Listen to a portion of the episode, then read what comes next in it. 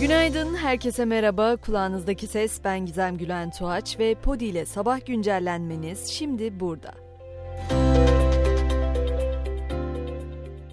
Kahramanmaraş merkezli depremlerin 18. gününe girdik. Can kaybı 43.056'ya yükselmiş durumda.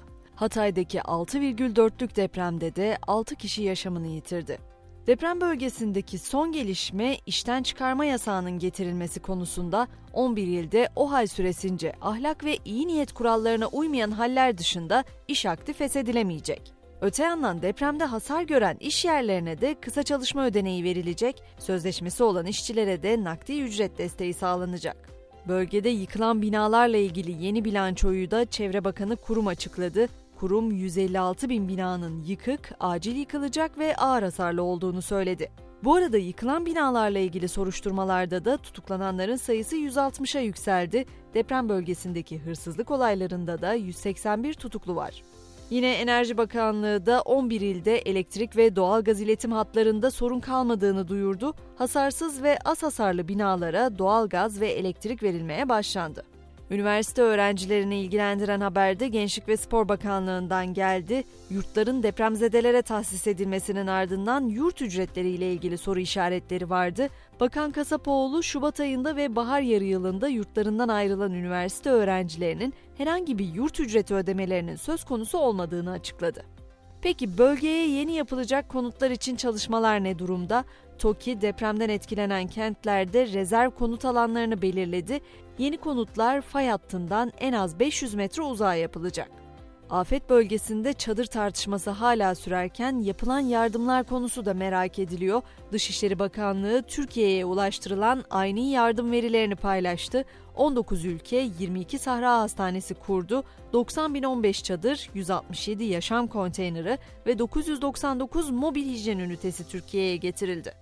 İzmir Büyükşehir Belediyesi de 11 ile etkileyen depremler sonrası yurttaşların barınma sorununa çözüm bulmak için başlattığı Bir Kira Bir Yuva kampanyası için Halk TV'de dün akşam bağış gecesi düzenledi.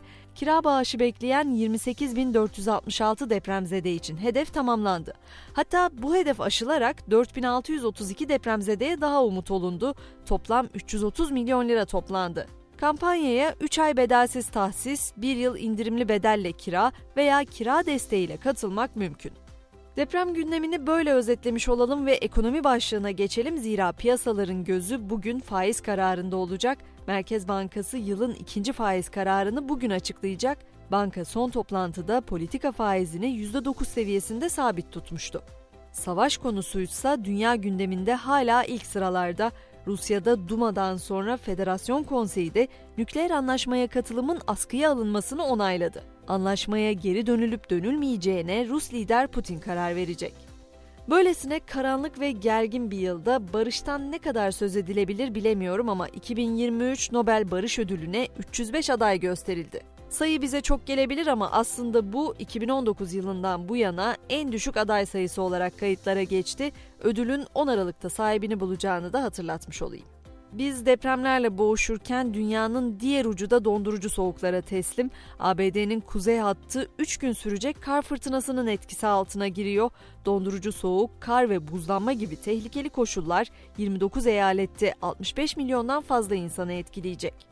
Madagaskar'da ise Freddy kasırgası 4 can almış durumda. Ülkenin doğusunda 16 binden fazla kişinin etkilendiği kasırga nedeniyle 10 bölgede eğitime ara verildi.